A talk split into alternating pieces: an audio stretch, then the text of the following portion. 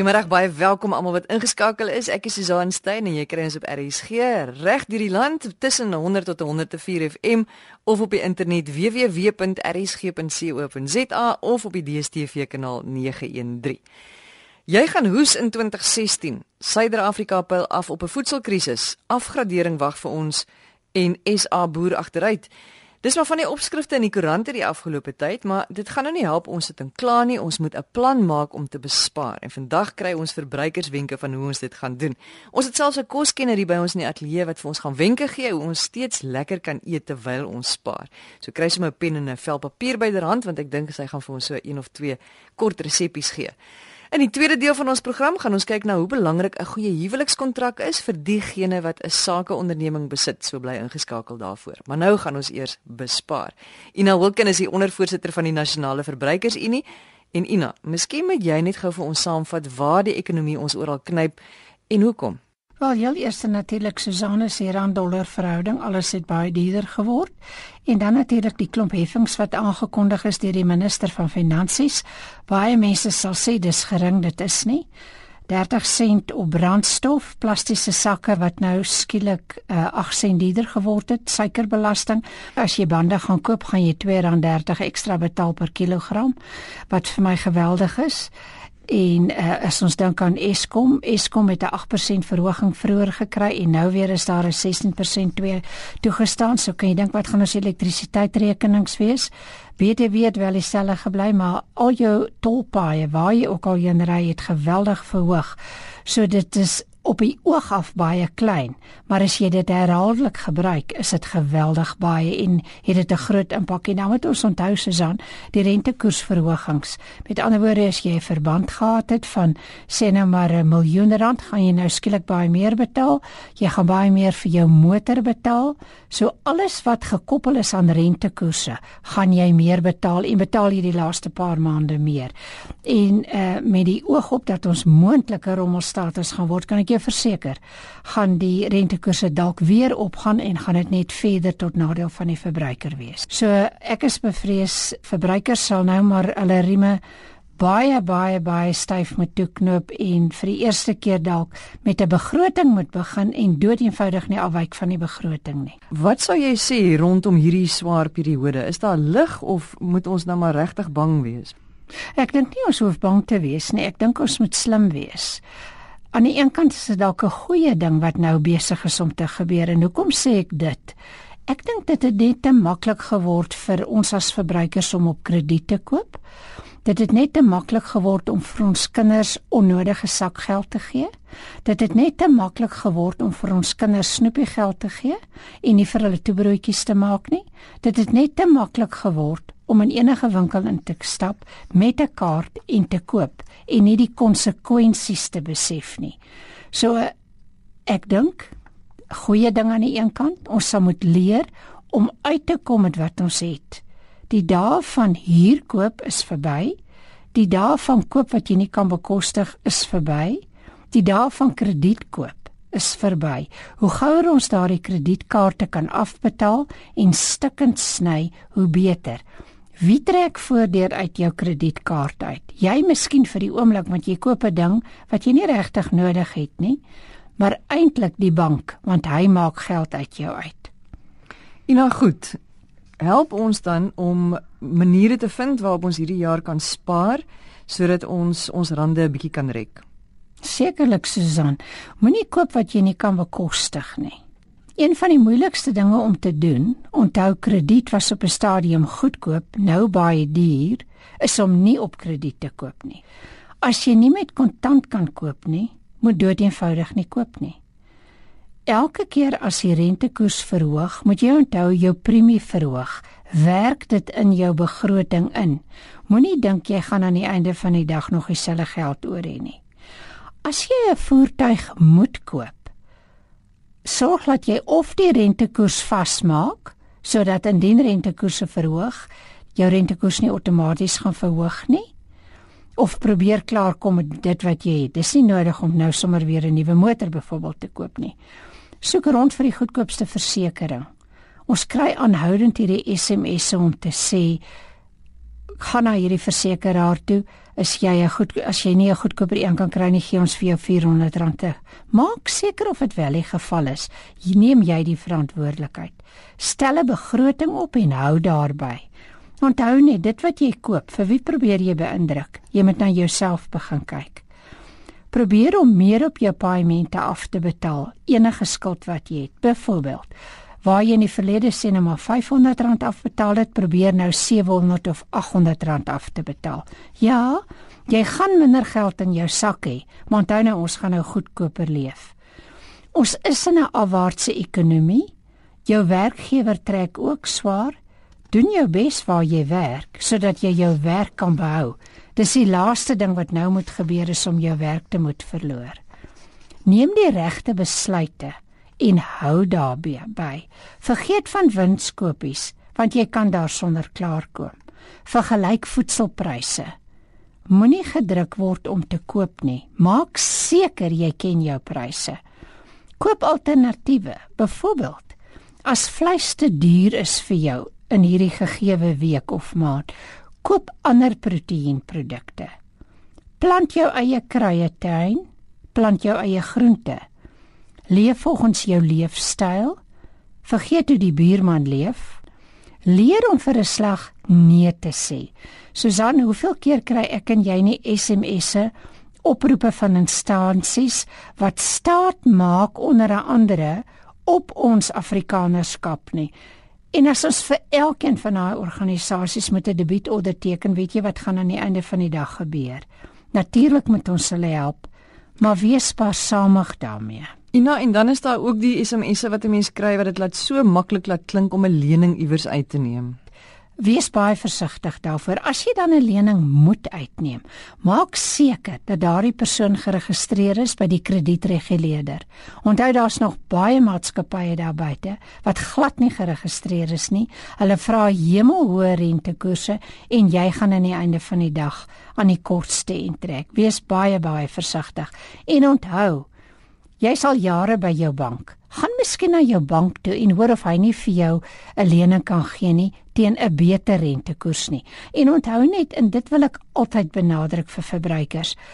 Enige kontrak, 'n selfoonkontrak, enige kontrak is tussen twee partye. As jy nie gelukkig is wat op daardie kontrak staan nie, krappe dood en teken daarbey.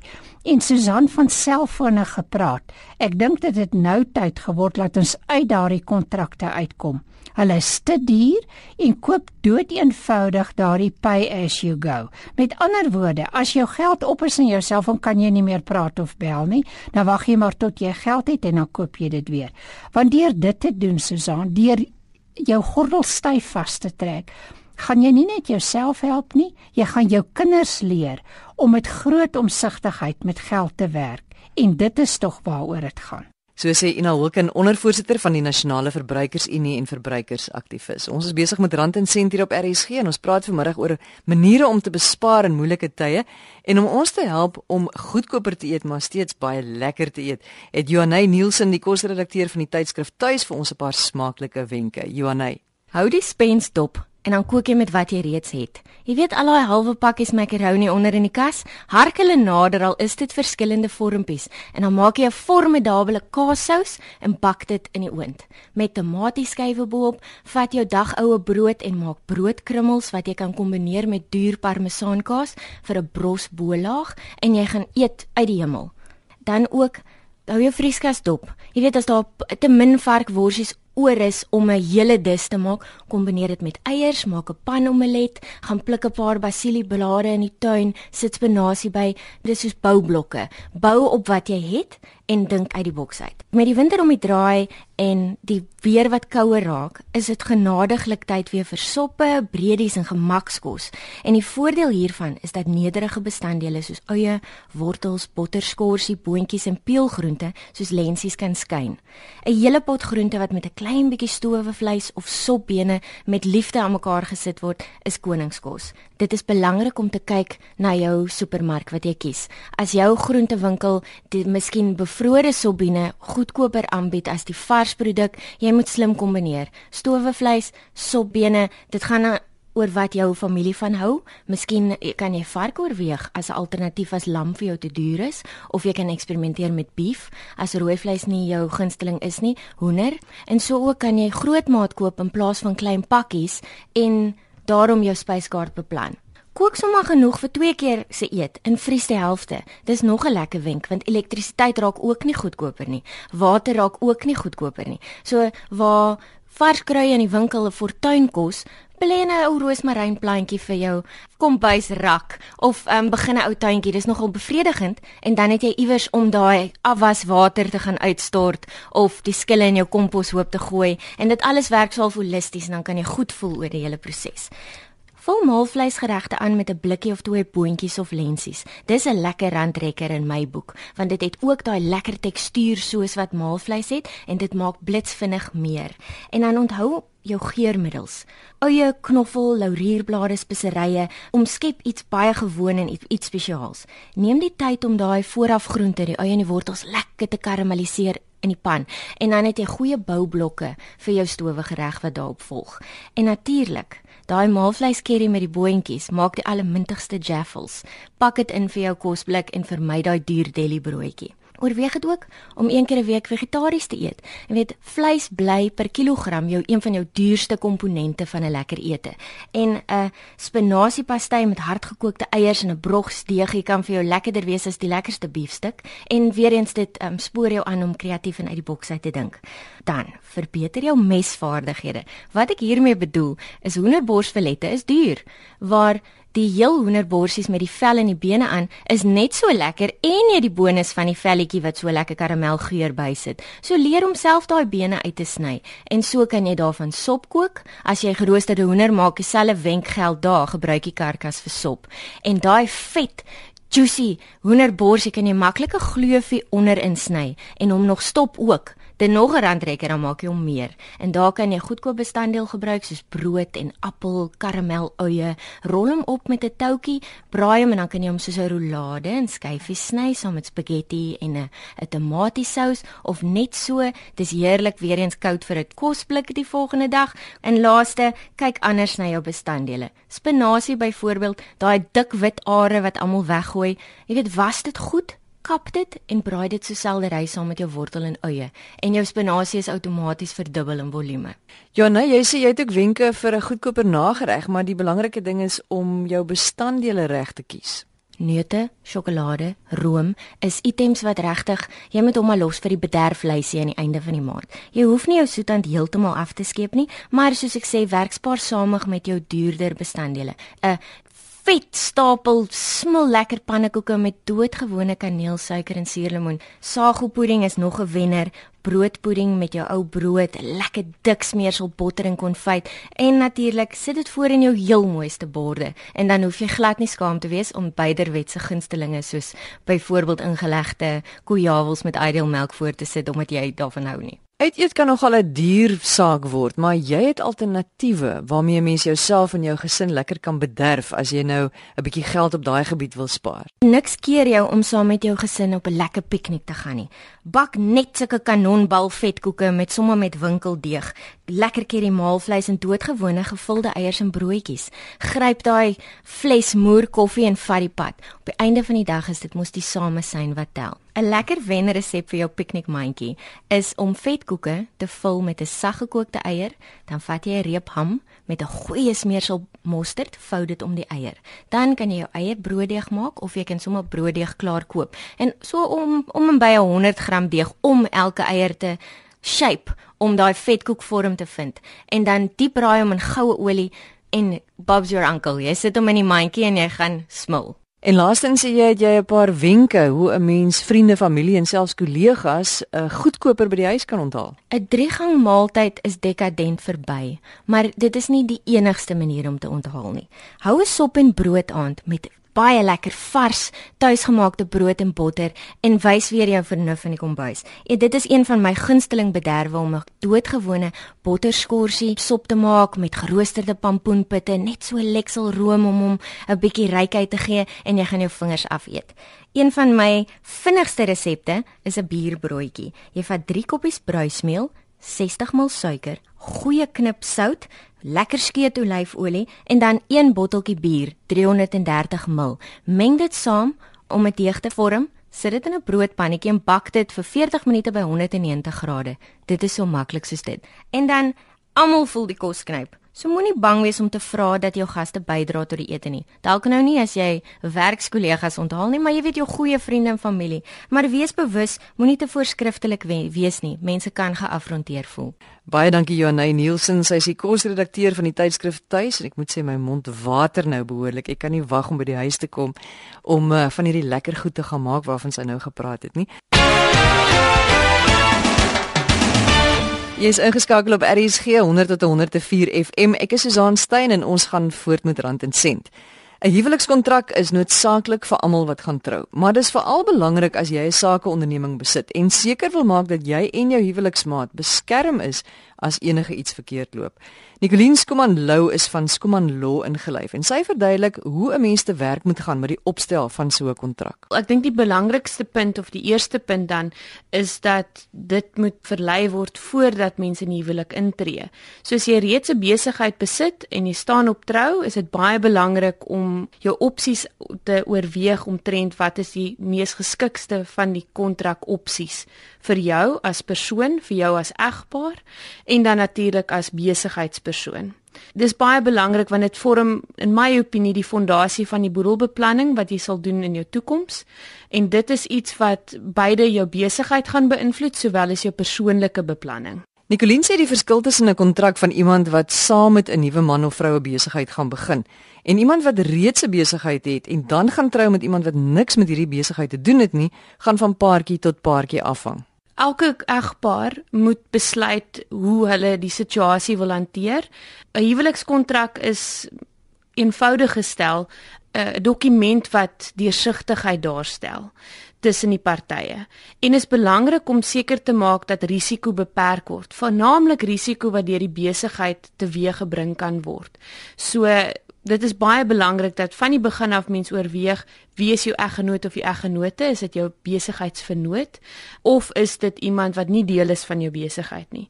Nou as beide van van julle in die besigheid staan is dit baie belangrik dat julle julle risiko sal beperk ten opsigte van die besigheid. So in daardie opsig moet dit in die kontrak verskyn of in die kontrak behoorlik hanteer word In die alternatief is dit nou vir die eggenoot of die eggenote wat nie deel is van die besigheid nie en die ander opsie wat ons bespreek het, is dit baie belangrik dat daardie persoon se risiko beperk word sodat jy dan in daardie opsig daarvoor voorsiening maak in die kontrak. Wat kan hierdie risiko's alles insluit? Natuurlik is iets nie uitwerk met die besigheid nie. In Suid-Afrika as jy nie 'n kontrak verlei nie, dan is die binnegemeenskap van goed getroud. In 'n netedop beteken dit dan ons skep een boedel tussen die twee en ehm um, alles wat jy tans het en in die toekoms sal hê, insluitend skuld, word eweredig verdeel tussen die partye. So 'n kontrak sonder om nou voorskrifte daar te stel oor die opsies van die kontrakte sal alreeds voorsiening maak daarvoor dat daar nie skuld gedeel word as 'n de facto reëling nie. Die alternatief ook of of die oortreffende trap van iets wat verkeerd kan gaan is natuurlik insolventie. En sonder 'n kontrak is beide partye, beide eggenoot, eggenote is dan outomaties beide insolvent. So in my opinie is om 'n kontrak te verlei absoluut onverhandelbaar. Nicoline verduidelik hoe so 'n kontrak opgestel moet word. Wel, prokureur kan die kontrak opstel. Die kontrak moet baie belangrik voor 'n notaris geteken word. Dis 'n prokureur met 'n spesiale addisionele kwalifikasie en hulle moet teenwoordig wees. Eh, die prokureur in beide partye op dieselfde dag op dieselfde plek om hierdie kontrak dan te teken en dit moet ook voor twee getuies geskied. Getuies moet oor die ouderdom van 14 jaar wees en um, moet by hulle positiewe wees. So dit is baie belangrik dat die formaliteite korrek gevolg word. As jy 'n kontrak sou teken maar nie in die teenwoordigheid van 'n notaris of beide van jou getuies nie, sal die aktekantoor dit bloot nie registreer nie. Dis ook belangrik dat die kontrak geteken moet word voordat jou huwelik seremonie plaasvind. Volgens Nicoline word die punte wat in so 'n kontrak vervat word, bepaal deur die verskillende behoeftes van elke paartjie. Daar's twee opsies in terme van die kontrakte met die aanwasbedeling en sonder die aanwasbedeling. Een kontrak is nie beter of meer uh, verkose in my opinie nie. Dit gaan oor wat die partye tussen mekaar graag sal wil hê, wat vir hulle in hulle huwelik, uh, in hulle verhouding die beste gaan dien. So dis 'n baie persoonlike keuse en die vers, die twee verskillende tipes kontrakte is vir verskillende tipes mense beste. Die belangrike punt van die aanwasbedeling is dat daar berekening tussen die partye gaan geskied wanneer die huwelik sou eindig. Nou in die konteks beteken dit dat iemand te sterwe kan kom of dat daar egskeiding kan plaasvind. So die kontrak sal sê ons wil die aanwasbedeling hê en ons dat dit van toepassing is tot ons huwelik en dan sê dit in in 'n neutedop dit is my batewaarde tans. Dit is my eggenoot of eggenote se batewaarde tans. Die uitsluitings gaan oor uitsluitings wat glad nie ooit in hierdie berekening gaan in rekening geneem word nie. Dit kan dalk wees vaste eiendom wat een van die partye of beide van hulle bekom het voor die huwelik.